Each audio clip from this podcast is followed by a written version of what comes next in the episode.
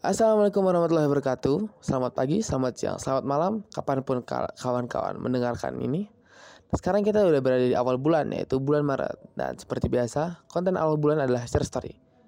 Untuk konten kali ini Kita akan membacakan sedikit tentang kisah Nabi Muhammad SAW Nah, kita akan uh, menceritakan Bagaimana kisah kelahiran Nabi Muhammad Dan kisah remaja Nabi Muhammad. Yang tentunya teman-teman akan mendengarkannya setelah ini. Yang pertama, oh ya, by the way, kita membaca ini dari gramedia.com. Jadi buat kalian yang ingin uh, membaca kisah-kisah Nabi atau bisa buku, kalian bisa baca di Gramedia web, websitenya gramedia.com dan kalian juga bisa beli langsung di tokonya. Oke? Okay? Nah, uh, kita mulai dari kelahiran Nabi.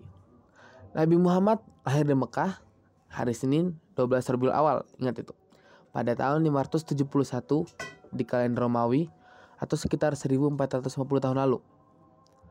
Rasul lahir dari ibu bernama Aminah dan ayahnya Abdullah. Tahun tersebut juga disebut sebagai tahun gajah. Kenapa disebut tahun gajah? Karena tahun tersebut juga e, bertepatan dengan ketika pasukan gajah di bawah pimpinan Raja Abraha, Abraha Habasyah tengah menyerang Ka'bah.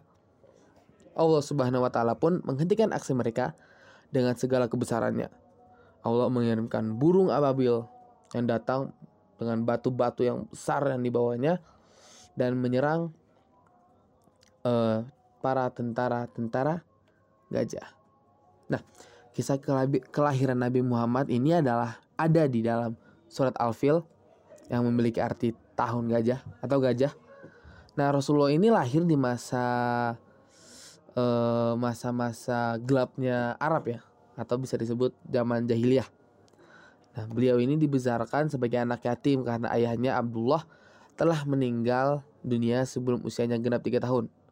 Semasa kecilnya, beliau akhirnya dibesarkan oleh kakeknya Abdul Muthalib. Pada saat Nabi lahir, seorang ibu bernama Halimah Sa'diyah dengan ikhlas mau menyusui Nabi Muhammad meski aslinya sulit keluar.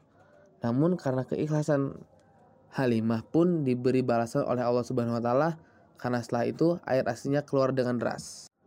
Nah, dan masa kecil Nabi Muhammad dilahirkan dalam keadaan yatim di rumah Abu Talib. Semasa kecilnya itu Rasulullah tumbuh dan menjalani kehidupannya seperti pada anak pada umumnya. Adanya tradisi Quraisy pada zaman dahulu, pada hari ke-18 membuat ibunya harus menyembunyikannya di pedalaman Tradisi Quraisy tersebut membuat Nabi Muhammad tidak bisa meraih kasih sayang ibunya sampai berumur 8 sampai 10 tahun. Hal ini justru membuatnya berada di bawah asuhan Halimah binti Sa'diyah selama 3 tahun. Rasulullah menjadi anak yang tanggap, bersikap baik dan cerdas pada masanya. Dan sekarang kita masuk pada masa remaja. Nabi Muhammad terjaga dari perbuatan merugikan kawan sekitarnya sampai suatu ketika Nabi pun bercerita ketika dua kali duduk saat mendengarkan pesta perkawinan di zaman jahiliyah, Allah justru menutup telinganya sampai tertidur dan terbangun esoknya. Setelah itu, aku tidak pernah lagi berniat mengikuti perbuatan buruk. Jadi emang dari kecil ini Nabi ini emang terjaga ya dari perbuatan-perbuatan tercela, buruk dan juga sia-sia.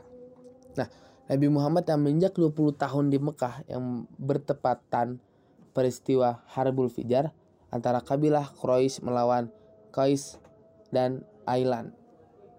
Dan kita masuki masa menjelang Nabi Muhammad dewasa. Menjelang usia Nabi Muhammad yang dewasa, membuatnya semakin menekuni dunia bisnis. Nabi pun berdagang dengan kawan terbaiknya yakni Saib bin Abi Saib. Barulah pada usia berusia 25 tahun, Rasulullah menjalin kerjasama bisnis bersama wanita kaya raya yakni Siti Khadijah. Perkenalan Muhammad dan Khadijah memang berawal dari dunia perdagangan. Perempuan ini biasa membiayai kafilah perdagangan Mekah ke Suriah untuk nanti membagi keuntungan bersama mitranya. Hal ini menjadi alasan bagi mereka berdua dalam melakukan perjalanan dagang tersebut. Nah, uh, setelah kisah ini kisahnya emang sebelum Nabi Muhammad diangkat menjadi nabi ya kawan-kawan. Tapi walaupun sebelum menjadi nabi, Nabi Muhammad ini emang sudah memiliki perbuatan yang uh, terpuji, dihindari dari perbuatan-perbuatan tercela. Contohnya sebelum jadi nabi saja Rasulullah sudah diberi gelar Al-Amin, yaitu orang yang jujur. Karena beliau memang dari kecil selalu jujur dan amanah dan juga selalu uh, terjaga dari perbuatan-perbuatan yang tercela, sia-sia. Seperti yang tadi uh, beliau tidak jadi uh, mengikuti satu acara ya acara yang dulu berada di zaman tradisi Quraisy. Kenapa beliau tidak jadi ikut? Karena beliau ditidurkan oleh Allah saat sedang istirahat menuju ke sana. Karena Allah nggak mau Rasul ini ikut perbuatan yang sia-sia. Seperti itu. Dan dari dulu juga Rasulullah ini sudah berdagang. Itu menandakan bahwa e, berdagang itu emang baik buat kita. Asal kitanya bisa amanah, jujur, dan selalu bertakwa kepada Allah Subhanahu wa taala.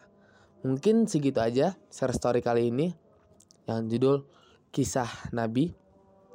Semoga dapat memotivasi kawan-kawan semua yang mendengar di luar sana dan khususnya untuk diri saya sendiri. Oke, terima kasih sudah mendengarkan. Wassalamualaikum warahmatullahi wabarakatuh.